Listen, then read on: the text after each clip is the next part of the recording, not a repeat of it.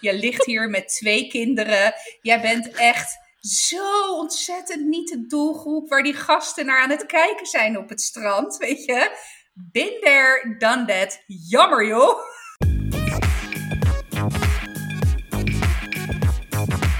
Hey, welkom. Leuk dat je weer luistert naar Dit is 30. Het is aflevering 7. Nee, niet 77. Het is aflevering 78.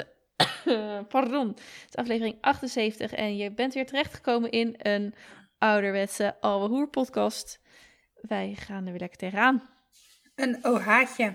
Een ohaatje. Voordat we begonnen met opnemen, uh, hadden we het over zwembaden in de tuin. Ja, want de, je hebt de zomer in. Uh, ik bedoel, de vorige oude hoer-podcast hadden we nog het over het kloten weer. Nou, het heeft geholpen. Ik wou het zeggen. Dat hebben we goed gemanifesteerd. You're welcome. ja, dus uh, we manifesteerden lekker weer en het gebeurde ook. Uh, ergo, de ba badjes komen weer uh, de schuren uit. Merk je natuurlijk dat het badje van vorig jaar gewoon lek is. Want ja. Ja, dat is kut. ja. Nee, we hadden dus een groter zwembad gekocht. Met een opblaaszwembad met uh, scho schoonmaakspul. Dus het spul, je, spul, het spul, je gooit dat spul erin. Het was ook niet, niet met chloor, maar wel dat lekker de algen eruit gingen. En dat het water kristalhelder zou zijn op het moment dat je kinderen er lekker in plonzen. Dus wij hebben dat bad staan. 750 liter erin. Holy crap. en ja, toen werd het een beetje meh. Ik zo'n stripje erin gehangen. Nou, je was er toevallig bij. De, die sloeg uh, naar het rood uit. dat was Dit was, net niet uh, het, was het nog donkerder. Ja. Uh, ja, precies. het was allemaal nog donkerder dan dat überhaupt op het plaatje stond.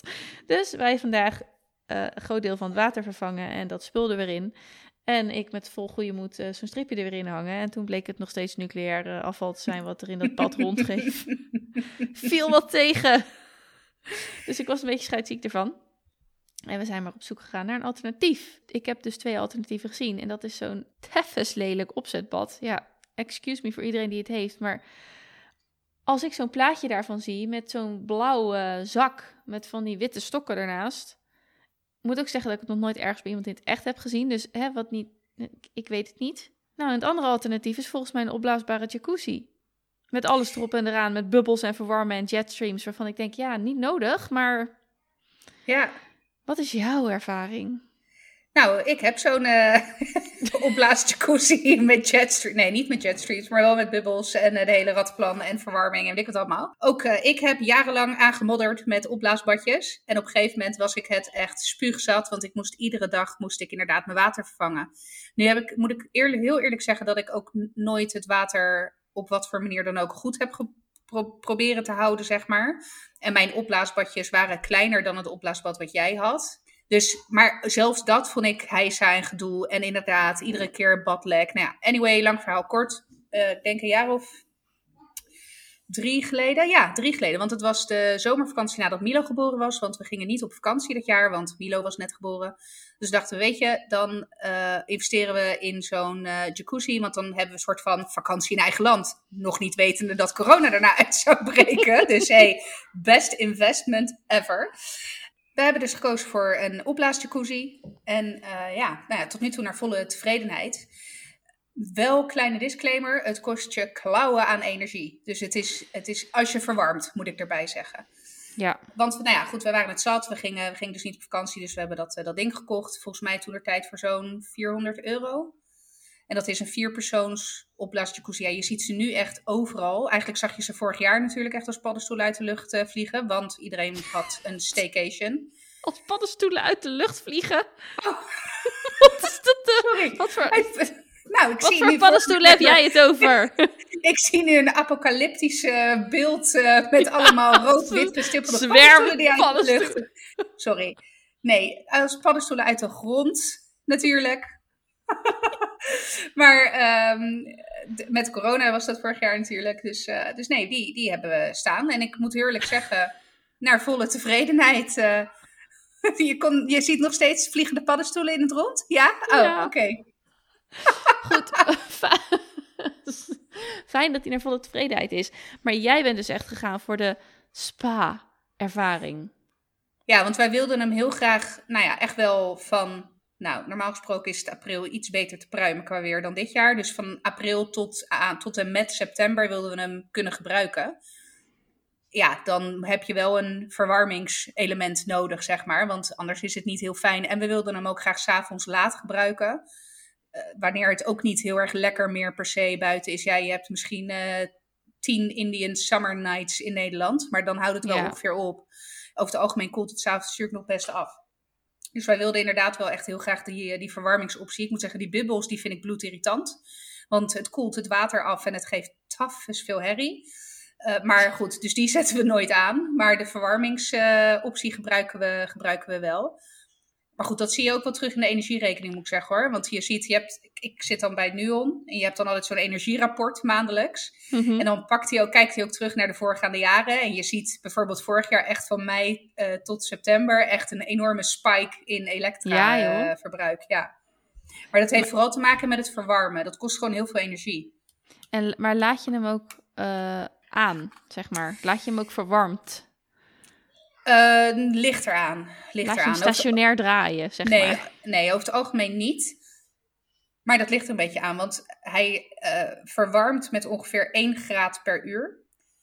Dus ja, als die is afgekoeld tot, uh, weet ik veel, 20 graden... en je wil s'avonds lekker in je badje van 40 graden... ja, dan ga je niet redden als je hem ochtends pas aanzet. Maar goed, er zijn ook, stel dat je ziet dat het vijf dagen gaat regenen, bewijs van... of wat kouder wordt, of dat je gewoon, nou ja, hè, dat je weet dat je er niet in gaat... ja, dan zet je hem gewoon uit. Ja. Ja, ik ben echt, ik weet het niet. Ik ben vandaag dus uh, midden in, nou ja, niet eens vandaag, maar gewoon de laatste paar uur midden in de wereld van uh, jacuzzi's ge, ge, gedoken. Maar ik zou een mooie tussenvorm willen. Ik wil gewoon een zwembad voor, nou, de kinderen eigenlijk. Dat er een beetje oké uitziet. Want ook die opblaasjacuzzi's donkerblauw vind ik eigenlijk... Ik vind, jullie hebben zo'n bruine, dat is hartstikke mooi. Nou ja, Ja, we hartstikke ja. mooi. Eh, het is veel mooier dan zo'n donkerblauwe puist in je tuin.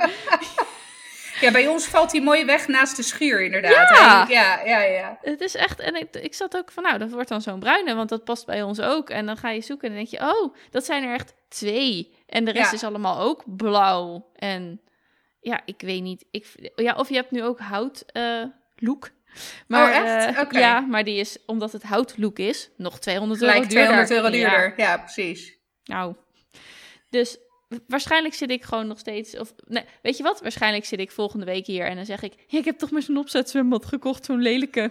Zo'n zak met van die witte plastic stengels ernaast. Nou, wat, wat ik dus inderdaad, ik heb dat met die op, opzetzwembaden. Het voordeel overigens van die opzetzwembaden is dat het echt wel hoog is. Dus ook als volwassene kan je daar echt wel, nou ja, kan je gewoon lekker in afkoelen, zeg maar. Zonder dat je het gevoel hebt dat je, nou ja, alleen de onderkant van je billen nat hebt gemaakt. Maar, dus dat is wel een voordeel. Maar ik vind het ook, weet je, ik heb altijd een beetje het gevoel alsof je een bouwzeil eh, tussen vier Ja, stokken spant, zeg maar. Ik, ik heb Ja. dat hetzelfde, echt zo'n zak met water. ja Dus precies. ik- ja, ik- het hoeft voor mij ook helemaal niet zo diep te zijn.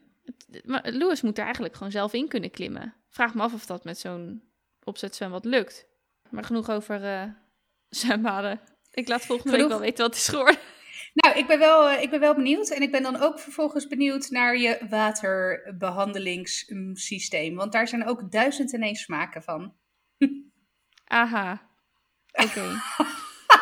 Heb ik nu nog een Pandora's box voor je geopend? Nou, je hebt in ieder geval gezorgd dat ik weet dat die bestaat. Ik laat hem nog even dicht. Doe maar, da- doe maar. mind. Oh, Oké, Put, vreselijk. put, put a pin on it. Precies. Wat een derde wereld, wat een eff- eerste wereldprobleem hè, weer. Ja, maar daar kan je ook wel eens van genieten, toch? Is ook zo. Oké. Ik heb allemaal dingetjes. Dingetjes, dingetjes. Dingetjes, dingetjes. Ja, het moet natuurlijk weer over de clitoris gaan, dat snap je wel. Oh ja, nee, want een podcast zonder vulva is een podcast niet geleefd. Dat slaat ook Exact. nergens op. Maar Nee hey, kan zo op een tegel. Doen we in onze merch. ja, precies. Oeh, wat zou dat zijn? Merch. Wat zou onze eerste merch zijn? Koffiemokjes. Gin tonic glazen. Nee, ja, dan dat. ik kan het zeggen. Ik herstelde me snel. Gin, tonic glazen. Ja, vind ik een goeie. Oké, eh, het nieuws kwam naar buiten. Eindelijk staat de clitoris ook in biologieboek middelbare scholen. Heb je dat gelezen? Nee, Niet eens. Maar- nee. Maar, Maar ik ben, ik ben verbaasd dat het er nog niet in stond. nou ja, blijkbaar niet. Uh, het, het, heeft, staat letter RTL Nieuws, hè? Dus uh, als het daarop staat, is het waar. Het heeft even geduurd, maar eindelijk staat de functie van de clitoris uitgebreid beschreven in een biologieboek. Bijna alle tweede klassers hebben dit schooljaar geleerd dat de clitoris meer is dan dat gevoelige knopje bovenaan de vulva. Dit is baanbrekend. Oké, hey, ik zal het eens even aan Jada vragen of hij dat dit jaar geleerd heeft. Nou, waarschijnlijk niet, want dat wordt pas in de nieuwe druk dan uh, opgenomen, denk ik. Geen idee, maar goed, hier staat: van de man werden alle onderdelen van de penis benoemd en uitgelegd, van de vrouw niet. Dat is nu aangepast. Nou, dat lijkt me heel goed. Nou, zeker. Nee, maar ik was echt oprecht verbaasd dat dat nou ja, ik, uh, ik, bedoel, ja. uh, uh, de N is twintig jaar geleden, maar ik heb dat nooit gehad, nee. Terwijl ik wel weet van de zwellichamen en de zaadleider en dat ze zo helemaal om het prostaten of de prostaten, weet ik het allemaal, dat hele proces. Dat, Ja, maar ik zit, ja, ik zit net te, te denken. Nee, ik heb het inderdaad denk ik ook niet. Nou, niet de week wel zeker, want voor mij is nou, niet N is 20, maar close enough. oh wel, dat is ook NS20, tweede klas. Ja, in jouw geval wel, ja. Dus, uh, dus nee, ik kan me wel, ik kan wel herinneren dat het over de clitoris is. Weet je, dat het benoemd is als onderdeel van de vulva. Althans, ja, toch dan? Buitenkant is vulva, binnenkant is vagina, hè? Ja, als onderdeel van de vulva, maar niet, want ik, ik ben pas eigenlijk niet eens zo heel lang geleden tot de, ook de ontdekking gekomen dat de clitoris, dat het knopje, dat dat eigenlijk inderdaad een heel orgaan is, wat, nou ja... Ja, helemaal, er, ja helemaal erin, zeg maar. Uh, dat is echt enorm, een, nou ja, enorm. nou, het is een groter orgaan dan de buitenkant doet vermoeden in de meeste gevallen. Ja, nou, het, het is inderdaad, en de, de, dat, dit vind ik ook fascinerend. Um, even kijken. Ja, er wordt uitgelegd dat de clitoris in, in de aanleg hetzelfde is als een penis. Dat vind ik echt fascinerend. Um, en inderdaad, dat het meer is dan dat ene knopje. En het grappige is, dit, dit vond ik helemaal leuk. Uh, de clitoris bleef lang een mysterie, zelf voor, zelfs voor de wetenschap. Pas in 1998. Nou, als je het dan hebt Wie over ns 20. Maar ik bedoel, dat is echt nog maar 23 jaar geleden. Zo zeg ik even uit mijn hoofd. Bam. Bam. 1998 ontdekte de Australische uroloog Helen O'Connell het inwendige deel van de clitoris. Uh, ze, deed aan het, uh, ze had dus anatomisch onderzoek gedaan bij uh, meerdere overleden vrouwen en kwam erachter dat het veel groter was dan het knopje aan de buitenkant. Ja, ik vind het echt. ze deed wel een herontdekking, want er wordt al sinds de 17e eeuw over de clitoris geschreven. Alleen verdween het orgaan steeds weer uit de medische boeken. Goh, hoe zou dat nou toch hoe komen? Hoe zou dat nou komen? Ja, watermannen. ja, nee, ja, het is natuurlijk, weet je, seksualiteit en zeker vrouwelijke seksualiteit werd natuurlijk, uh, nou ja, verketterd. Ik bedoel, dan was je onrein en... Ja, hier staat nou ook, uh, er was de angst voor vrouwelijke lust. Uh, is allemaal niet zo, is, is niet zinvol voor de, voor de reproductie. Terwijl ja, dat wordt natuurlijk ook, tenminste, in mijn geval, ik had altijd, zeg maar, toen ik, het, toen ik zwanger wilde worden, dan, hoe zat het nou? Dat als je zelf eerst klaarkomt, dan is dat een grotere kans dat het lukt? Of is dat dan weer nou, een fabel? Ja. Nou, ik, dat durf ik echt niet met zekerheid te zeggen. Maar het enige wat ik me dan nog met mijn boerenverstand zou kunnen voorstellen... is een orgasme is natuurlijk het samentrekken van de baarmoeder.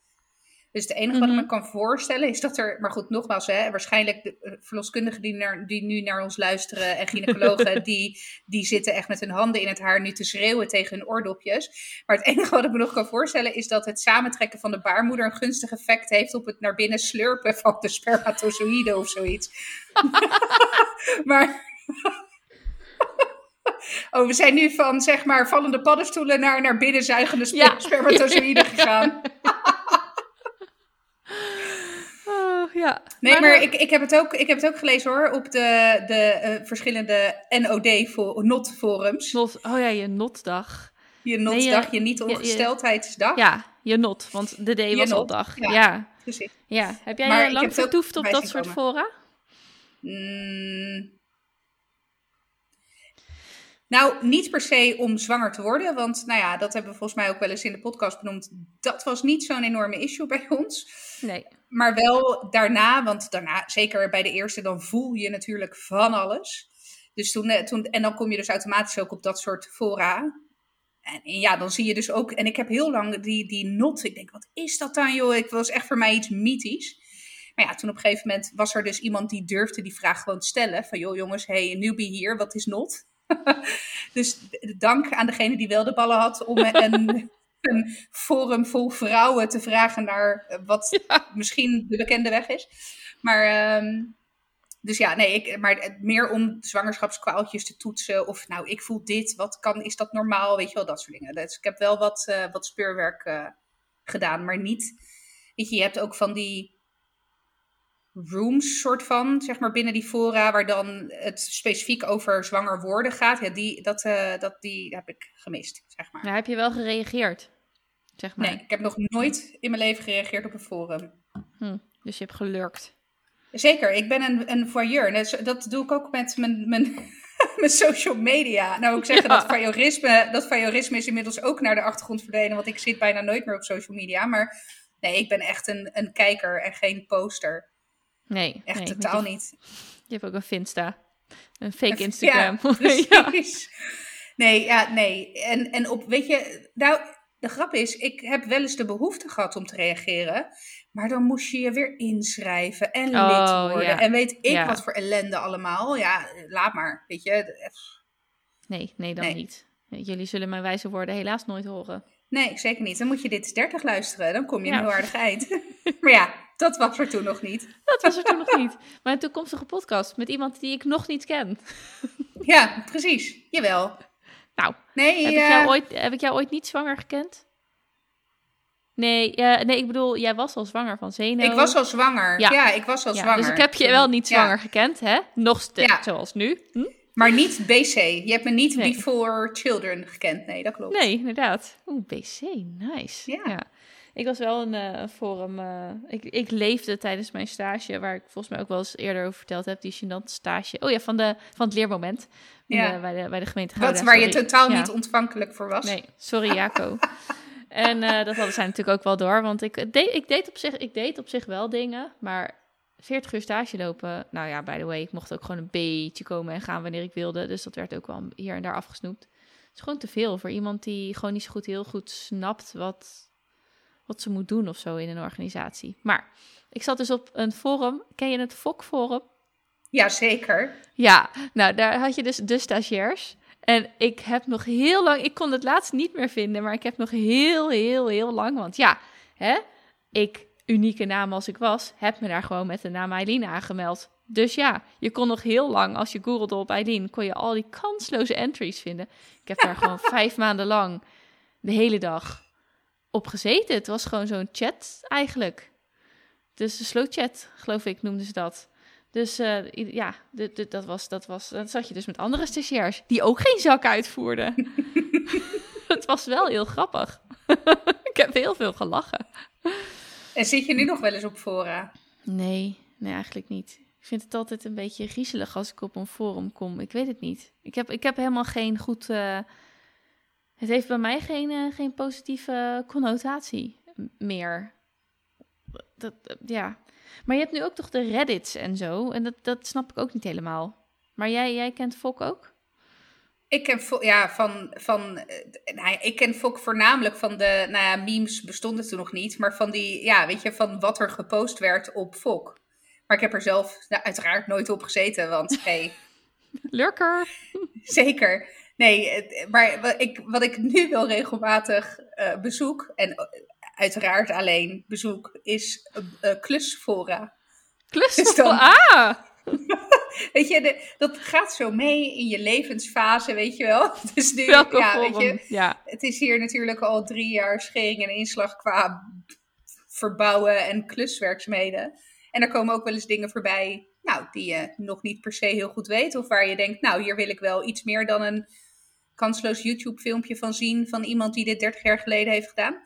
En dan heb je, op, je hebt best wel een aantal goede klusfora waar, dan, waar je dan dus iemand dus de vraag post. En dan zijn er timmermannen of in ieder geval loodgieters of mensen die echt wat kunnen.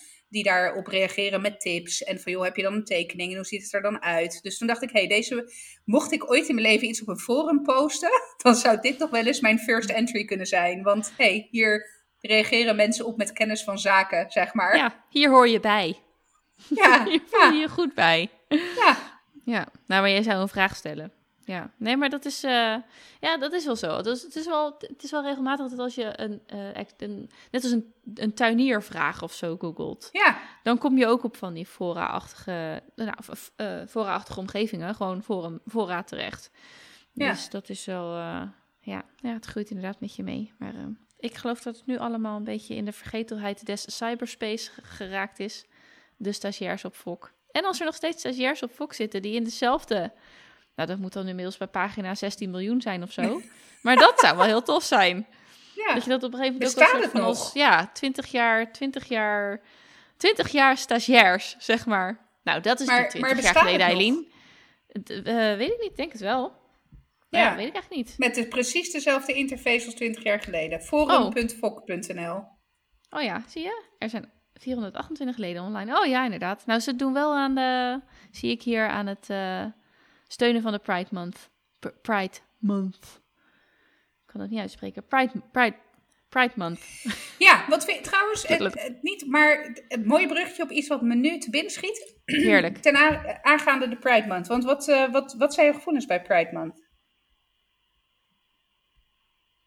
Nou, een beetje dubbel, want in eerste instantie denk ik, ja, cool, weet je wel, leuk, eh, of leuk, goed, het wordt gesteund. En toen laatst zag ik, eh, ja hoor, het is weer tijd voor de jaarlijkse eh, multinational, eh, eh, oh, we zijn ook zo ontzettend inclusief. En toen kreeg ik weer dat ik denk, ja, oh, oh ja.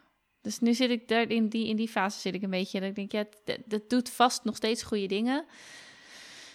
Maar het, het benadrukt ook maar weer eens wat er dus wel misgaat.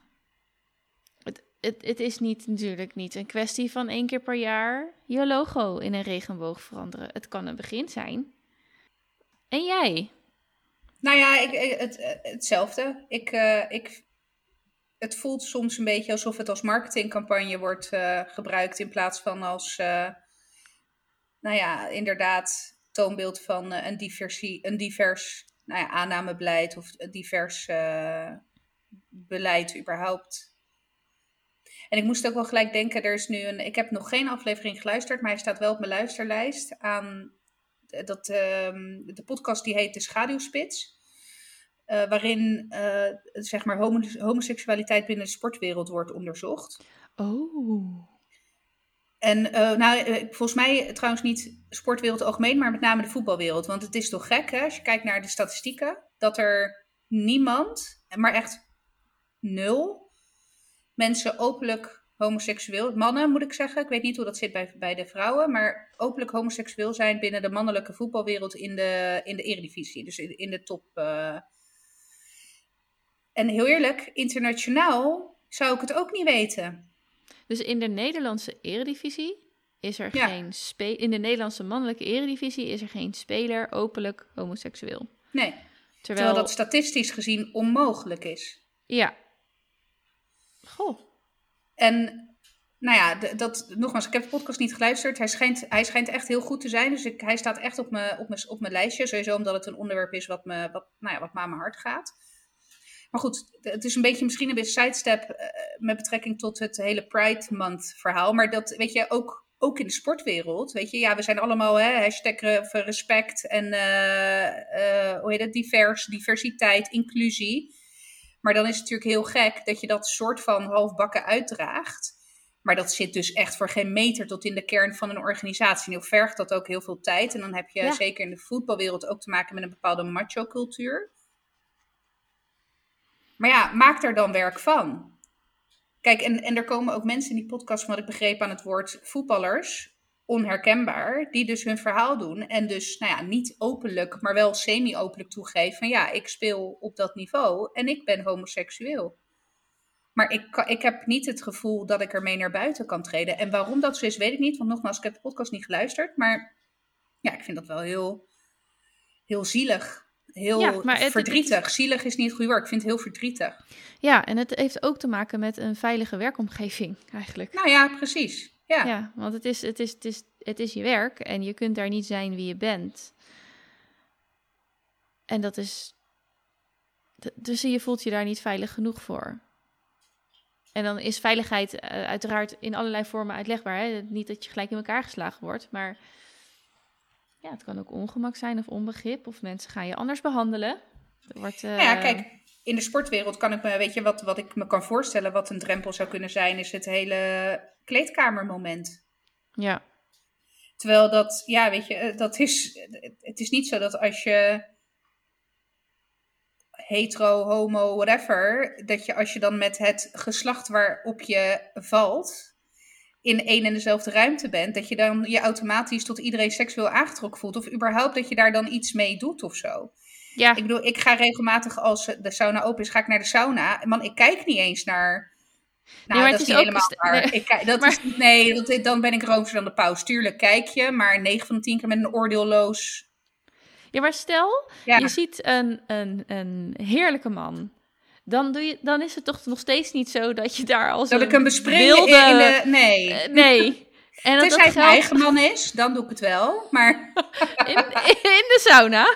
Nee, nee, dat mag niet. Nee, dat mag Oh, niet. crap. En, en weet je, ik, ik, ik heb het wel eens zien gebeuren, maar het is ook nog de sauna waar we altijd naartoe gaan. Dat, daar heeft hij heel lang gewerkt in zijn studietijd en zo. Dus ja, hij heeft daar ook een soort van reputatie hoog te houden. Ja, van... Dus, dus nee, dat, dat kan dan niet. Maar ik zou het, eh, ja hoor, sauna doet wonderen voor je libido. Onderling dan. Van andere lijven wordt niet heel erg heet in de sauna. Haha, no Nee. pun intended. Maar ik heb geen idee. Ik ben nooit in de sauna geweest. Ik wil het ook niet. Ik haat het. Ja, maar Oh, jij, houdt, pers- jij haat nattigheid en warmte. Ik haat nattigheid, eh, vochtige lucht inademen Ja. en hitte. Dus Ja, de sauna is zeg maar mijn hel op aarde. Letterlijk. Ja, Net als toen ik zeg maar naar Curaçao op vakantie ging, dat ik de eerste vier dagen moest wennen aan ademen. Ik stond daar en ik dacht, het is hier prachtig, het is hier heerlijk, maar ik kan niet ademen. Dat was echt heel kut.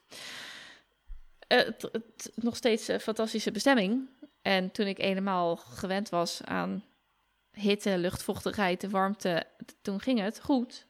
Maar ik weet dat nog heel goed en ik vond dat echt eh, teleurstellend voor mezelf ook. Want je komt daarheen om er te genieten, hè? En ook te genieten van het eiland. En ik kon alleen maar denken, wat fuck, kan hier niet ademen.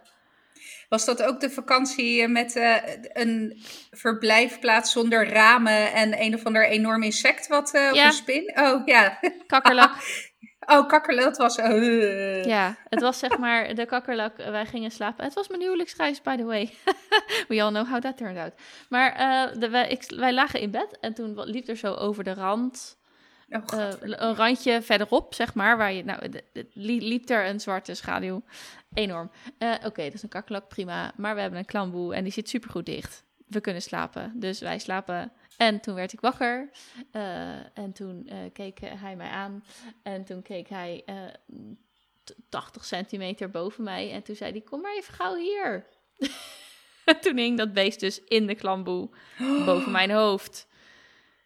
Ja, Gadverdamme. ja, dat was echt. Ik, ik, ja.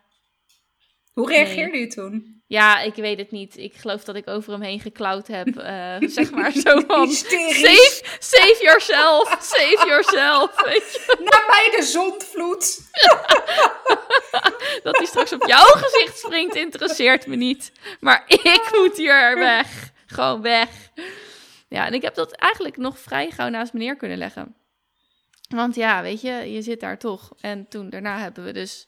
Nou ja, goed, je gaat niet meer je bed in en slapen, want je checkt eerst alles honderdduizend keer. En doet die klamboe nog strakker dicht dan dat hij al zat. Maar ja, nee, dat was die vakantie inderdaad. Ja. Oh wel. Goed. eh, de- de- nou ja, laten we maar. Ik, ik ga gewoon verder met mijn lijstje. Ga want- verder met je dingetjes? Ja. het is weer, eh, het is weer ouwe hoeren. Eh, ik wou nog even zeggen dat mijn cursus gelanceerd is vorige week. Dat dat heel goed is gegaan. Eh, dat ik eh, inmiddels eh, de eerste cursist eh, is ge- gestart. Dus dat is heel erg leuk. Ga, neem nog eens even een kijkje op mijn website www.eileenhavenaar.nl voor de cursus Je Eerste Podcast in 10 stappen. Doe je gewoon. Nou, weet je wat wel heel erg leuk is? Eh, ook heel erg leuk is, by the way. Ik heb een oud collega, die is, nou, die is, doet ook, die is ook helemaal eh, eh, creatief en gezellig bezig en helemaal goed met haar onderneming. En die is naar aanleiding van mijn podcast, de podcast, is ze geïnspireerd geraakt om ook zelf een podcast te maken. En dat is ook Oh, zo'n leuk. vreubelaar die alles uitvogelt. Dus de eerste staat nu ook, eh, de eerste drie afleveringen staan online. De Foto Business Kickstarter podcast. Dus voor beginnende fotografen van, van Jessica Groenewegen. En ik ben super trots op haar. En het is gewoon super leuk dat er dus weer een podcast bij is. Welkom. Zeker. Welkom in de podcast Welkom bij de Space. club. Het is Ja. weer fantastisch. Waar ik het ook nog even met jou over wilde hebben is over Milo en zijn uitbraakpoging. Oh, Die moet nog even verteld worden. oh god. Nou ja, eh, af, niet afgelopen vrijdag, maar de vrijdag daarvoor volgens mij kwam ehm, Frank thuis met de jongens. En hij met een, echt een smile van oor tot oor. Hij zegt, eh, weet je wat Milo heeft geflikt? Ik zeg, nee, vertel. Hij zegt, hij heeft het brandalarm eh, heeft hij af laten gaan op, op school. Even, Milo is drie, één meter, wat is het? Is hij wel een meter? Nou, één meter. Nou, hij is wel een meter, maar niet heel veel meer dan dat. Eh, weet je, meter groot. En meneer had het dus voor elkaar gekregen om met een lepeltje het glas van het brandalarm te breken en het brandalarm af te laten gaan midden op de dag. Hij zit op een IKC, dus dat is kinderdagverblijf en school in één. Dus nou, ik, we hadden al een, een grove schatting gemaakt. Ik weet niet hoeveel klas, nou ik weet ook niet meer hoeveel mensen, maar goed, een hele school ontruimd. Omdat mijn kind het brandalarm heeft ingetikt. ik was zo trots als een pauw, kan ik je vertellen. Ja, dus ik moet ook heel eerlijk zeggen, want ik vroeg ook, want ja, in eerste instantie denk je wel gelijk, oh shit, weet je wel, oh, wat heeft mijn kind geflikt? Dat ging ook in één adem met, oh, wat heeft mijn kind geflikt, weet Ja. je wel? Want hij is drie en ik dacht alleen maar, oh, wat een heerlijk ondernemend geestje ben je toch ook en nieuwsgierig en dat je dat gewoon, hè? Ik dacht ook wel gelijk, hey, lessons learned voor de locatie ten aanzien van de hoogte van het brandalarm. Ja, ja. Tenzij het de bedoeling is dat een driejarige het brandalarm aan kan zetten, maar dat denk ik niet. maar goed, eh, even daar, daar gelaten. De, de, de PM'ers, dus de, de pedagogische medewerkers, reageerden ook naar Frank toe heel erg relaxed en met een lach. En het was wel, weet je, iedereen vond het leuk en grappig. Dus het is ook niet dat je, ik kan me ook wel zo voorstellen. Nou, als ik een beetje een aflevering van Luizenmoeder bedenk, dat het ook een Oh. heel ander scenario had kunnen zijn, eh, weet je wel.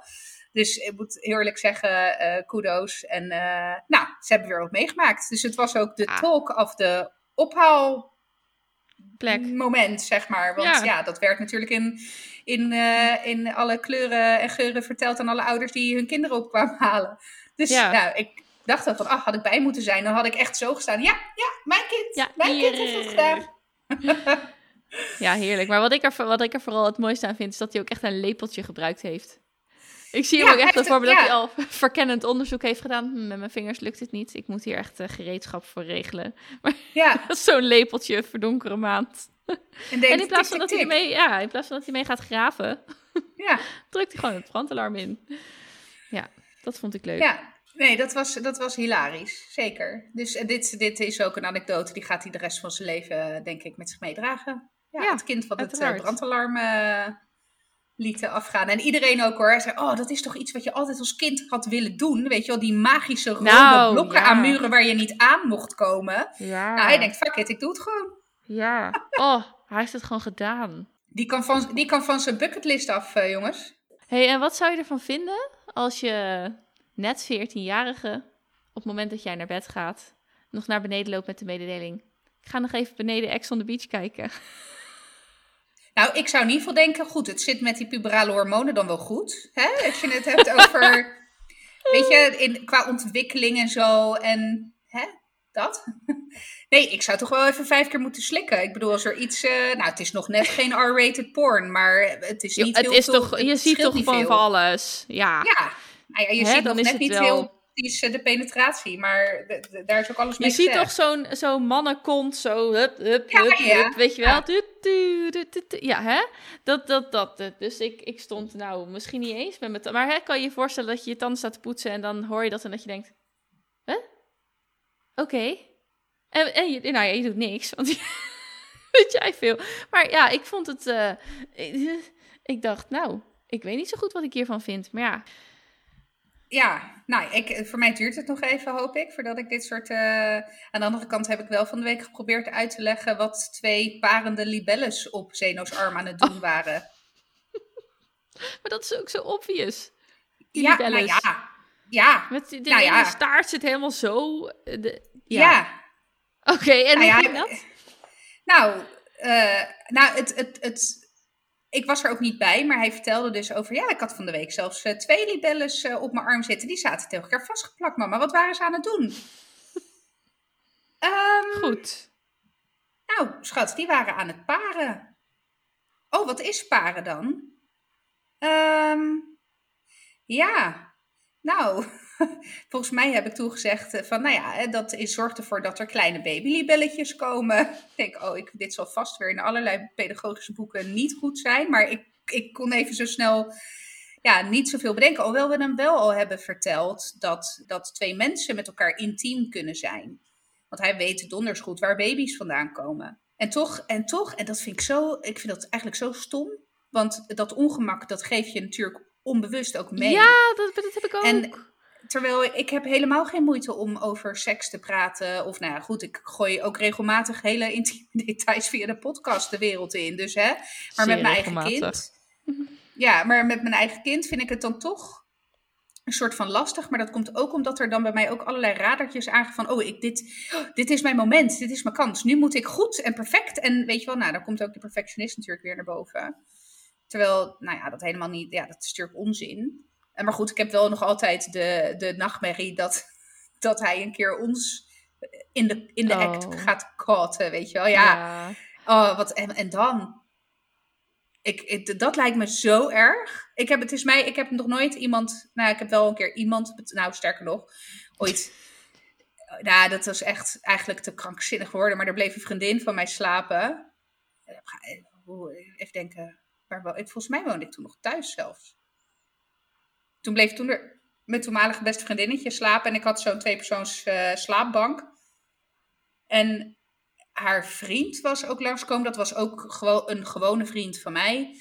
En nou ja, weet je, we, we zaten volgens mij met z'n drie film te kijken, whatever. Nou, ik was slaapgevallen. En op een gegeven moment werd ik wakker van seks naast me, weet je wel. dat ik echt dacht. Maar volgens mij, want ik lag volgens mij met mijn rug naar hen toe. En dat ik me ook echt zo half omdraaide.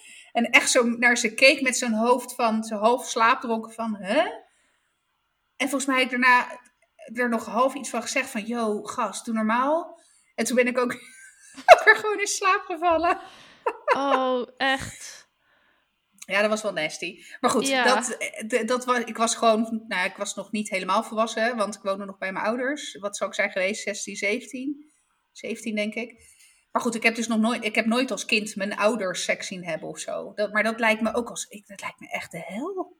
Ja joh, maar... Voor beide partijen. Ja, ja, precies. Dus uh, vice versa ook. En je kunt het...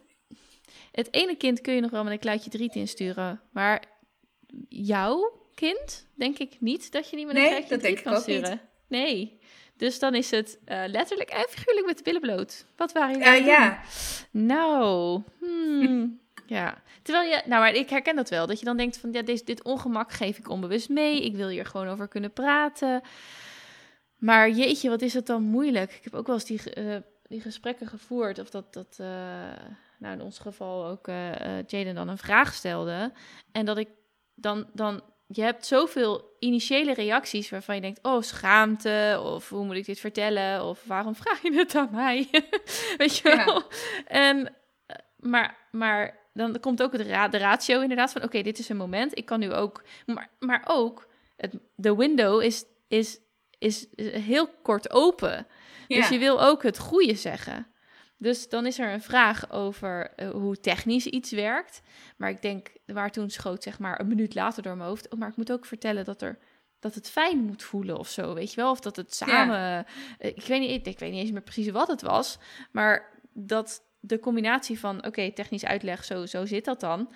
Maar toen dacht ik, ja, maar dit is, dit is wat biologie doet. Ja. En als uh, ouder, in mijn geval verzorger, is het ook je taak om mee te geven wat het gevoel dan moet zijn. Of wat, ja. hoe je het zou moeten, hoe je het zou moeten ervaren. Dat klinkt weer alsof ik iets opleg, maar hè, en luisteraars begrijpen me ook wel. Of kan niet uit te leggen. Dus dan, dan, dan dat, dat, dat is dan, dat, dat, dat, oh, ik was zo kapot. Het was een paar minuten, maar daarna was ik echt kapot van dat gesprek. En dan zit je dat gesprek nog acht keer te herhalen, joh. Ja. Van, oh, heb ik wat goede gezegd? Oh shit, ja. dat ik, oh, ik dit had ik beter dit of zo. Waarom heb ik dit niet? Ja, ja, echt. Ja. Ja, terwijl, en, maar ik vind ergens wel, wel jammer, want het is gewoon heel natuurlijk en fijn en het hoort erbij. Ja. En toch heb ook ik, weet je wel, ik, ik kan me voorstellen. Kijk, we, we, hebben het wel eens over vrijen gehad of intiem zijn. En we hebben niet heel erg over het technische gedeelte gehad. Maar goed, hij is zeven, weet je wel. Dus ja. dat mag voor mij ook nog wel even duren. Maar wel het hele feit van twee mensen die samenkomen, heel veel van elkaar houden. Heel erg intiem met elkaar gaan knuffelen, weet je wel. Dus ik, ik heb tot nu toe vooral gefocust op het stukje liefde. En dat daar ook fysieke aantrekkingskracht bij hoort. En dat je dan graag intiem bent met elkaar. Maar ik heb het nog niet, eh, ja, het, het hele technisch verhaal, uh, nee, dat, dat nog niet. Bovendien, dan zit ik er ook, weet je, als je het hebt over inclusiviteit.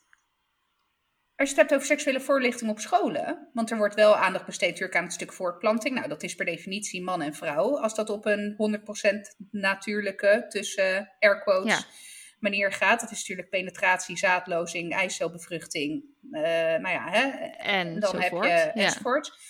Maar er wordt geen aandacht besteed, of in ieder geval in mijn tijd zeker niet, aan intimiteit tussen twee vrouwen of twee mannen, of inderdaad non-binaire personen, of echt totaal niet. Dus ik kan me ook voorstellen, nou, bijvoorbeeld in het geval van een mannelijke homoseksueel, dat hij helemaal niet weet. Even ja, los tegenwoordig heb je ook internet, hè? dus ik bedoel, die kinderen zijn mhm, wijzer dan mhm. wij, bij wijze van.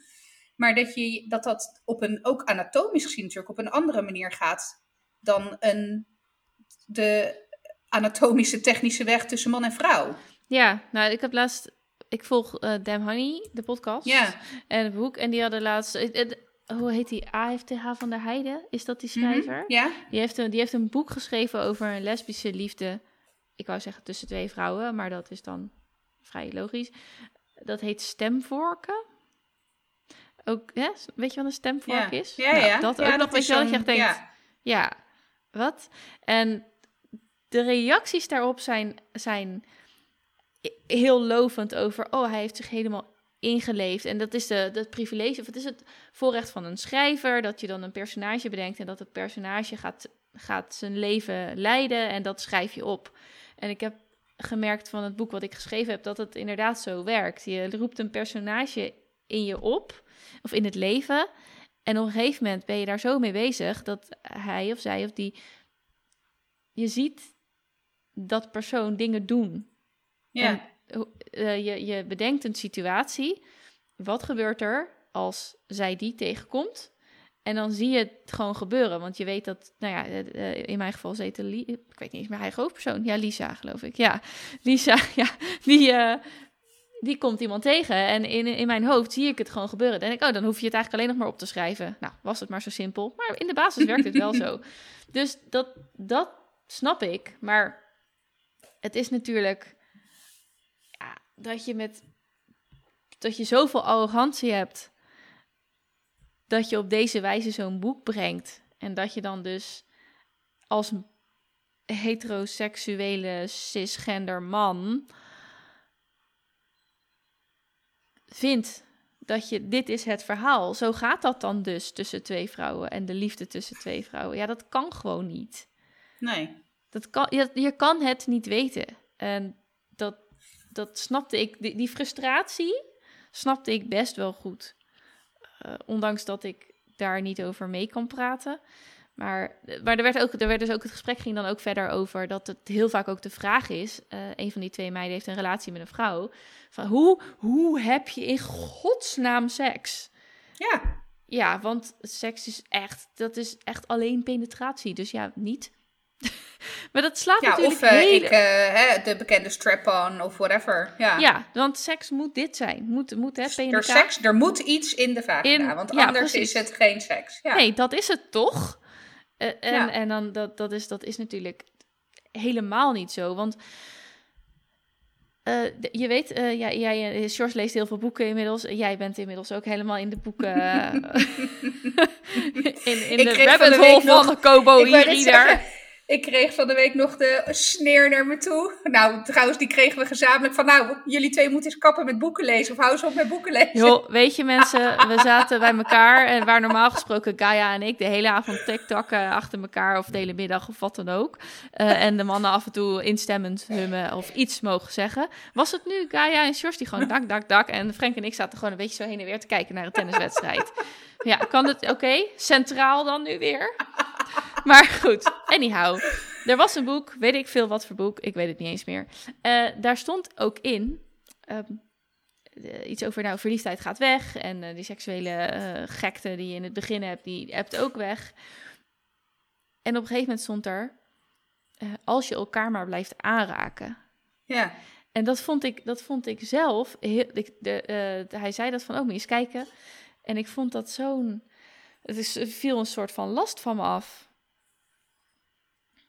Ik werd echt, ik, eh, oh ja, alsof ik toch die, weet je wel, dan zit je in een hele goede relatie waarin het allemaal bespreekbaar is en waarin het de ene, hè, je hebt een periode van m- meer, je hebt een periode van minder.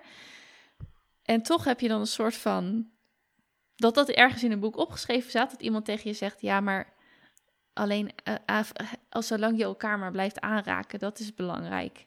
Dan denk je, Ja. oh, maar heeft het dan, Oh. voel, je dan, voel je dan een soort van normaal of zo? Van, oh, dat is normaal. Dan, hè, thank God of zo? Of is dat een soort van erkenning ik had- van... Ja, Nou, ik had toch het idee van, eh, want in die mindere periodes maakte ik er ook echt wel een punt van, van ja, weet je wel, maar ook gewoon vanuit mijn eigen behoeftes, of als het andersom was, weet je wel, van dit is een, dit is een probleem. Maar ook als de, als de aanleiding er niet was, dat ik dacht, goh, nou, het is toch al even geleden, dit is een probleem. En dan maak, maakte ik er een probleem van iets wat geen probleem was. En eh, gesprekken daarover waren dan prettig en prima. Dus het, het leidde, het heeft wel tot iets goeds geleid, omdat je er dan toch weer over praat.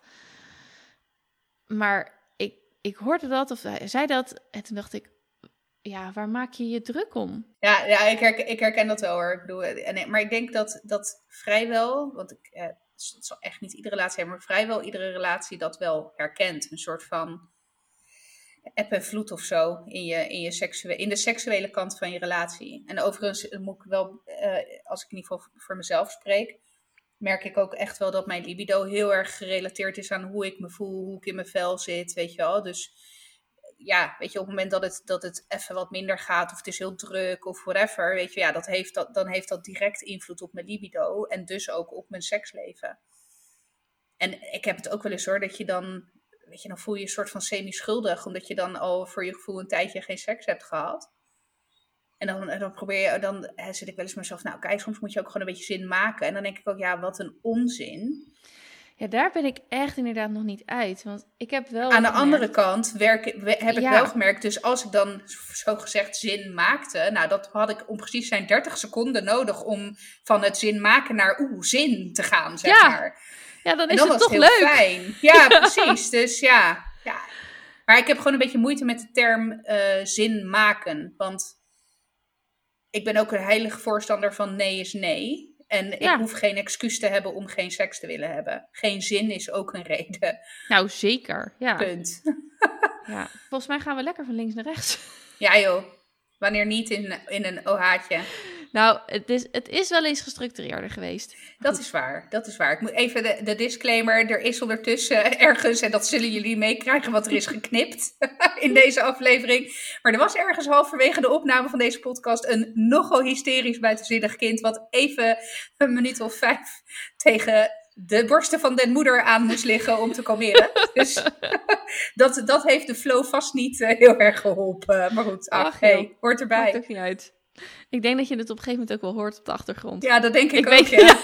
ik denk dat het net te lang was dat ik het niet kan knippen. Dus hè? wie eh, mail ons als je hebt gehoord wanneer het zo was. Het geluid, het geluid van dit is oh, ja. 30. Ja. Ja, we hebben alleen geen 86.000 euro om uit te keren. Nee. Dus Nee, nee, dan, moet, dan Nee. hebben we nog wat donaties nodig. Ja. Ja, inderdaad. Ja, en dan kan het. Ik heb trouwens op onze Instagram eh, heb ik gezet dat we niet meer proactief posten, maar dat we dus de nieuwsbrief hebben. Mochten jullie zin hebben om via DM's te reageren op ons Instagram-account, dan kan dat gewoon. Alleen we posten niet meer proactief. Dat is allemaal in de nieuwsbrief. God, dat Ja.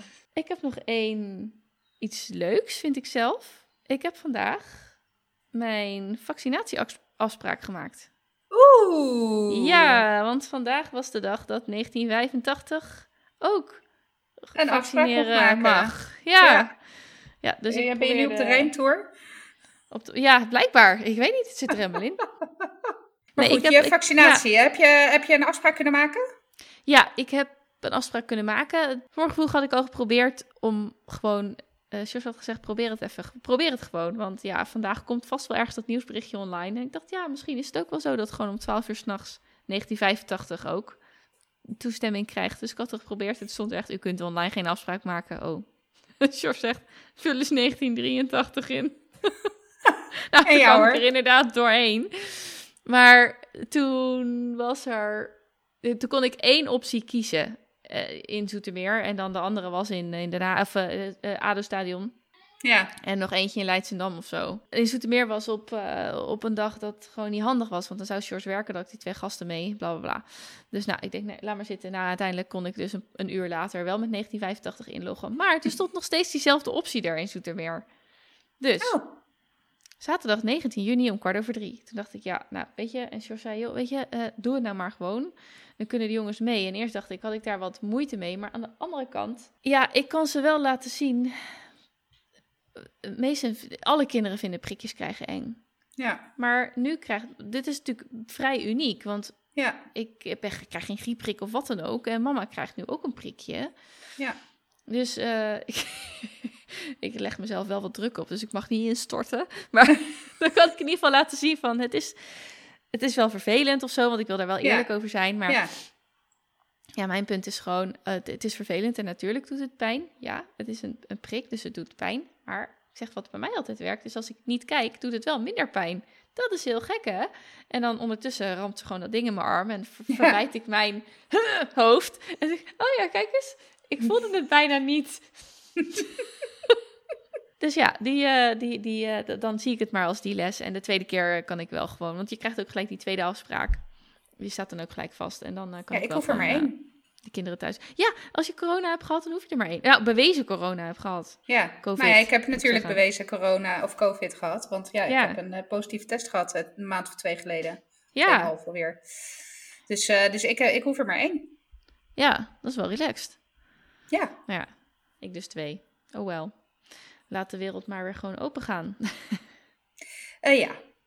Ja, nou, ik kan, weet je, ik, ik moet ook wel zeggen, ik, eh, die mondkap vond ik al, überhaupt altijd al Ja. irritant. Maar nu met die warmte vind ik hem wel echt, nou, exponentieel irritanter worden met de minuten dat ik hem op moet. eh. ja. Nee, ja, het is echt, want ik, ik, weet je, ik zweette al in de winter onder die mondkap, zeg maar, op, het, op mijn eh, gezichtsgedeelte waar die dan bedekt was. Zeker als ik hem een langere tijd om, op had. Of tenminste, zweten, ja, het wordt toch een soort van vochtig. Want je hebt hier toch je... gewoon vies. Ja. Gewoon lul. Precies. Nou, nu natuurlijk met, met die warmte is dat nog twee keer zo erg. en dan zeker als brildragend persoon, want ik heb het nog steeds Oh. na drie kwart jaar niet voor elkaar gekregen om mijn bril niet te laten beslaan met een mondkap op. Dus inmiddels ben ik wel heel goed in het boodschappen doen zonder bril. Dus hey, hè? Maar, maar ik vind het wel irritant. Ik ben, oh, ik ben, ik ben echt, ik ben oh, klaar. Die anderhalve meter, helemaal prima. Mag van mij blijven. I don't care. Geen handen meer geven. I don't Ook give goed. a shit.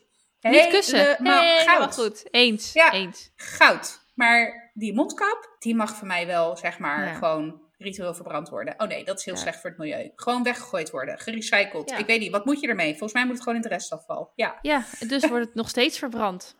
ja nou ja, inderdaad. Ja. Maar ja, ik, eh, het was zo grappig, want ik was vandaag, eh, ging ik kaas halen bij de boer. En dat, dan heb je zo'n kaasautomaat. Dus dat is Een kaasautomaat? Dat is, ja, dat is fascinerend. Je kan, de de eh, boerenwinkel, dus de, de kaasboerderijwinkel, die is woensdag Waar, is, waar zit deze kaasboerderijwinkel? Kap, een kaptein in de Wijpoort. Ja, Zoeterwoude. Ja, dus ik daarheen. En dus op maandag, ik ben op maandag vrij met Louis, dus vaak ben ik daar op maandag. Maar ze hebben dus ook een kaasautomaat en een melktap. Eh, die kaasautomaat, dat is een soort, ja, dat is gewoon zo'n soort rond, net als een soort snoepautomaat, maar dan draait het zo en dan valt het naar beneden. En deze draait rond. Dus dan, dan druk je dat ding rond totdat de kaas die je wil voor het vakje dat open kan, ligt. Dan betaal je en dan klikt dat vakje open. Zeg Een maar. soort van Febo-muur, maar dan met kaas. Precies, nou dat. Ja, dus geen grillburger, maar een kaas van eh 10 euro. Want ja, hè, het moet wel extra belegen zijn, ja, want ja, lekker. Ja, ja, ja. Ja. Dus genieten. Dus eh, ik die kaas gehaald. En toen kwam er dus een vrouw aan fietsen. En die zei, ja, eh, eh, weet u of hier... ik ben op zoek naar een stukje meikaas. Je weet wel, graskaas. En ik sta daar aan te kijken. En ik dacht eerst bij mezelf, ja, ik werk hier niet. Weet, weet ik veel. Dus ik kijk om naar dat ding. En ik zeg, oh nee, maar ik zie hier de bovenste... dat er een labeltje met graskaas aan zit. Oké. Nou staat er, ja, weet u hoe dit werkt? Dus nou ja, ik, ik wilde dat aanwijzen. En toen, weet je, nou op een gegeven moment stonden we erg dicht bij elkaar. En ik dacht echt bij mezelf, ja, ho ho, eh rot eens even lekker op gevaccineerde. Ik heb hem nog niet gehad. Jij wel, oude tak? Nee. nee. Goed, dat dacht, ik dacht niet oude tak. Maar ik dacht wel van, oh, blijkbaar als jij prikken hebt gehad, geldt de anderhalve meter niet meer voor, Nou, voor dat geldt niemand niet alleen, meer. Dat geldt niet alleen voor geprikte mensen hoor. Ik had vandaag op kantoor een medewerker die, nou, die wilde iets weten over zijn loonstrook. Dus die kwam echt, eh, maar echt bijna in mijn nek hijgen. Dus op een gegeven moment heb ik ook gezegd, van, vind je het heel erg om afstand te houden, anderhalve meter? Leg, weet je, je kan het me ook gewoon laten zien eh, op afstand. Ja, en toen zei hij van, ja, maar ik heb toch een mondkapje op? En, en- Eh, ja, maar toch heb ik graag dat je even die anderhalve meter afstand bewaart, denk je? ja, En ik, maar weet je wat nou het erg is? Ik voel me dan echt een soort van eh, paria of zo. Alsof het een soort van stoer is om scheid te hebben aan de basisregels. En dat Ja, je maar een mietje bent als je dat niet doet of zo. Snap je wat ik bedoel? Dat gevoel had ligt- ik. Ja, ja nee, ik, ik, heb, ik heb dat niet, maar het ligt soms gewoon zo ver uit elkaar. George die liet mij net ook een of andere of, of ik, groepsfoto zien. En we, nou, we hadden het er laatst over gehad. Dat, ja, dat is, als, je- als je het ziet, dan je kan het niet, niet meer zien. Soms posten mensen dus foto's of groepsfoto's waarop een ander gewoon heel gênant staat. Ja, Dat je denkt, het is gewoon niet aardig om deze te Ja. plaatsen. Het is gewoon Ja. niet aardig. Waarom? Dus nu was er ook weer zo'n voorbeeld. Het was een groepsfoto, heel gezellig. En één iemand had best wel een grote zweetplek onder zijn arm. Hè? We've all been there. eh, maar- zeker. Dus ja. ik snap het. Maar ja, het is gewoon niet zo aardig om die foto dan te posten. Denk ik. Dus, maar goed, ik dacht dat hij hem dus liet zien. Omdat het een groepsfoto was waarin iedereen zo gezellig bij elkaar Ja, een feestje aan het vieren was. Dat ja. ik denk, wat is dit nu? Ja, ik, ik snap het ook allemaal niet meer. Ik blijf in mijn hol. Ik laat er een prik zetten over anderhalve week. ja. En dan wacht ik gewoon maar weer tot alles open gaat. En dan ben ik er weer. Ja, nou moet ik wel zeggen, we waren vorige week woensdag op het strand in Monster. Want het was lekker weer. En nou ja, de- vaak gaan al die Westlanders daar ook natuurlijk naar het strand. Dus op een gegeven moment was er echt een groep, nou weet ik veel, 50, 60 jongeren of zo met eh, muziek en weet ik het allemaal. Verder prima hoor, want ze hadden gelukkig lekkere muziek op staan. Ik bedoel, muziek waar, nou ja, weet je, dat ik echt dacht, oh, nou, dit zou ik ook kunnen luisteren de hele dag. En maar ja, allemaal hutje, mutje en knuffelen en zoenen. En toen dacht ik ook in eerste instantie, mijn eerste instinctieve reactie was, eh, nou, eh, nee, nee, nee, nee, weet je wel. eh. maar daarna dacht ik ook, ja, ik snap het ook. Ik snap je volledig. Ik had trouwens ook een momentje dat ik, ik voelde me echt ineens heel oud. Ik, ik, was dus, ik was dus naar het strand, maar ik had in de haast wel mijn bikinibroekje aangedaan, maar niet mijn bikini topje. Dus ik had gewoon mijn normale kanten BH aan. Dat ging me, weet je, een bikini is voor mij al way out of my comfort zone. Ik ga daar niet in mijn zwarte kanten BH liggen op het strand. Dus ik had gelukkig wel een jurkje aan, wat ik ook een soort van strapless iets van kon maken. Maar goed, die BH zat niet lekker. Dus ik dacht, weet je, fuck it, ik doe mijn BH uit. Ik hou het jurkje aan, want dat is strapless. Weet je, ik, het is ook niet zo dat ze tot aan mijn knieën hangen. Dus prima, weet je, dat kan. En als ik dan ga spelen met Zeno, dan doe ik wel de bandjes van mijn jurkje goed. Zodat het in ieder geval een soort van In, blijft in, zitten. Ja, in bedwang blijft. Ja, precies. Dus, nou, lang verhaal kort. Ik lag lekker op mijn buik te lezen, zeg maar, in mijn eh, Kobo e-reader. Eh, en op een gegeven moment eh, loopt er zo'n groepje jongens van, weet ik het, jaar of twintig langs. Dus het eerste wat ik instinctief doe, is checken of er niet een halve borst of zo uitvalt, weet je wel. Van, oh, oeh, weet je, even mijn borsten checken. En terwijl ik dat deed, dacht ik, guy, really? Je ligt hier met twee kinderen. Jij bent echt zo ontzettend niet de doelgroep waar die gasten naar aan het kijken zijn op het strand, weet je. Been there, done that. Jammer joh. ik voelde me echt ineens zo moeke, weet je wel, van oh shit, ik val niet meer in die categorie, nou, even air quotes wijven om naar te kijken op het strand. Ja. Omdat ik daar dus met mijn twee kinderen en mijn, en mijn zonnescherm tentje en mijn koeltasje en weet je wel, mijn Je entourage was niet... Ja. Dat ik echt dacht, oh shit. Maar ook Ja. gewoon instinctief nog, en dat hebben we wel eens gezegd, dat je, je voelt je toch gewoon nog heel vaak dat 16-jarige meisje. Ja, Dus ik- ja, ja, ik-. Vanuit die hoedanigheid checkte ik of mijn borsten enigszins toonbaar waren in mijn niet zo charmante positie. En toen dacht ik, ja, they don't give a fuck. Dus als zou je hier nu met je...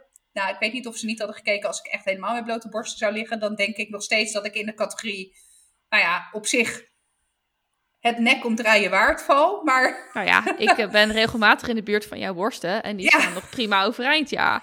precies, dus... Maar het was meer zo'n realisatie dat ik dacht, oh ja, ja... Nee, ja, die Ja, tijd is voorbij. oké. Maar goed, tot Hey, zover. nog één, oké, nog één vraag, want je zei nog weer Kobo e-reader. Jij bent miljonair met een gewone baan aan het lezen. Oh my god, ja. En miljonair met een gewone baan dat is voor mij, voor Sjors ook wel, echt... Oeh, dat heeft heel veel gedaan, dat boek, over de geldmindset hier in huis. Dus ik vroeg me even af hoe het met je gaat. Hoe, eh, Nou, nou, ik moet eerlijk zeggen, ik ben denk ik een week geleden of zo gestart. Nou, normaal gesproken lees ik eh, boeken gemiddeld in één à twee dagen uit. Nou, twee dagen wel, zeg zeker werkdagen. Maar eh, deze ben ik, ik denk nu ongeveer halverwege bewust even gestopt. Omdat ik dacht, oké, hier moet ik echt wat mee. Of hier, nou niet moet, maar hier wil ik wat mee. Maar dan wil ik dus ook wel de ruimte creëren om daar ook iets mee te kunnen doen, zeg maar. En dat klinkt wel ook heel erg af van eh, uitstel is afstel. Eh, maar dat is het absoluut niet. Alleen je hebt al in dat eerste van het boek echt wel een aantal soort van mini-opdrachtjes die je moet doen om wat, wat geldzaken inzichtelijk te maken. Nou, dus die had ik al gedaan. Dus nou ja, maar er komen ook wat soort van grotere opdrachten, of in ieder geval veel nadenkwerk over wat wil je nou. En nou ja, weet je, dus ik dacht dus van ja, ik Kijk, wij weten gewoon, vooruitkijkend, eigenlijk vooral op, basis van die sheet die jij toen met ons hebt gedeeld, hè, over het inzichtelijk maken van je financiën. Wij weten dat wij vanaf mei volgend jaar echt financiële klappers kunnen gaan maken. Qua sparen, qua, weet je wel, dat soort dingen. Niet dat ik nu tot mei volgend jaar wil wachten hoor. Want weet je, volgens miljonair met een gewone baan is iedere euro over 30 jaar 500 keer zo, zoveel waard. Dus hey, iedere euro die we zouden kunnen gaan doen, hè, is, is, is het nu al waard. Uh, maar ik wilde wel, ik, ja, ik werd, er, ik werd er heel onrustig van. Op Ja. een positieve manier. Maar Doet dat wel dacht, oké, maar dit wil ik, ja, maar dit wil ik wel even goed doordenken, goed, eh, weet je, en het is ook iets wat we samen moeten doen. Dus ik wil ook, nou, kijken of ik Frank kan bewegen om, om eh, nou, misschien een samenvatting van het boek te lezen. maar, weet je, dus, ehm, ja, maar het, het, het echt mind-blowing. Echt Ja. mind-blowing. En ik ben het nu wel eh, onwijs aan het manifesteren. Van ja hoor, over 30 jaar kan ik van het rendement van mijn vermogen leven. Ja. Dat En is uiteindelijk het doel. zakt het. Ja, soms denk je, oh, 30 jaar. Maar weet je, je kan ook niet beginnen en dan gebeurt er nooit wat. Nou ja, precies. Nee, Kijk, heel ja. eerlijk, 30 jaar, over 30 jaar, dat is nog steeds 10 jaar eerder dan tegen de tijd dat wij met pensioen kunnen, zeg maar. Zeker. Ja, ja, ja, ja, ja, ja. ja. Want Dus, wij zijn ja. natuurlijk ruim 70. Precies. Ja. En het is ook niet zo dat je pas over 30 jaar een smak met geld hebt. Nee, dat groeit langzaamaan met de jaren. En het enige is waar je op moet letten, is dat je niet meer uitgeeft dan wat je binnen harkt aan rendement, zeg maar. Want dan sla je de plank een beetje mis. Maar Ja, ja. Ja, het is echt, eh, ik vind het echt superleuk dat je me aan het lezen bent. Misschien kunnen we binnenkort een thema financiën deel Ja, 2 twee- opnemen. Ja, nee, zeker. Heel Ja, graag. Ja, Ja. want hier, eh, de- onder andere door het lezen van dat boek, kwam ook het idee van we verkopen ons huis en we gaan van de overwaarde gaan we iets doen. Want nu zit het vast in de stenen. Tegen de tijd dat we verkopen is de huizenmarkt misschien weer ingezakt, weet je wel. Je weet het toch niet. Dus het is gewoon fictief. Overwaarde op je huis is gewoon fictief geld. ja. Het is er niet, want niemand heeft het je nog gegeven. Dus, eh, maar goed. Eh, leuk. Ik ga hem wel afsluiten nu. Want ik geloof Ja. wel eh, dat ik, hoewel met, met knippen en alles, toch nog behoorlijk wat tijd in onze aflevering over heb. Super bedankt voor het luisteren, lieve luisteraars. Weer meld je aan voor onze maillijst. Kom er gezellig bij. Dan krijg je elke week een mailtje in je mailbox met een directe link naar onze aflevering. De show notes uitgebreid met linkjes, foto's en nou wat anders leuks wat, er dan nog, wat we dan nog vinden erbij hoort. Uh, je kunt ons ook mailen op ditis30.gmail.com. Een gezellig berichtje sturen. Vinden we leuk. Vinden we leuk. Dat was hem weer voor deze week. We wensen jullie een hele fijne week toe en jullie horen ons volgende week weer. Doei doeg! Doei!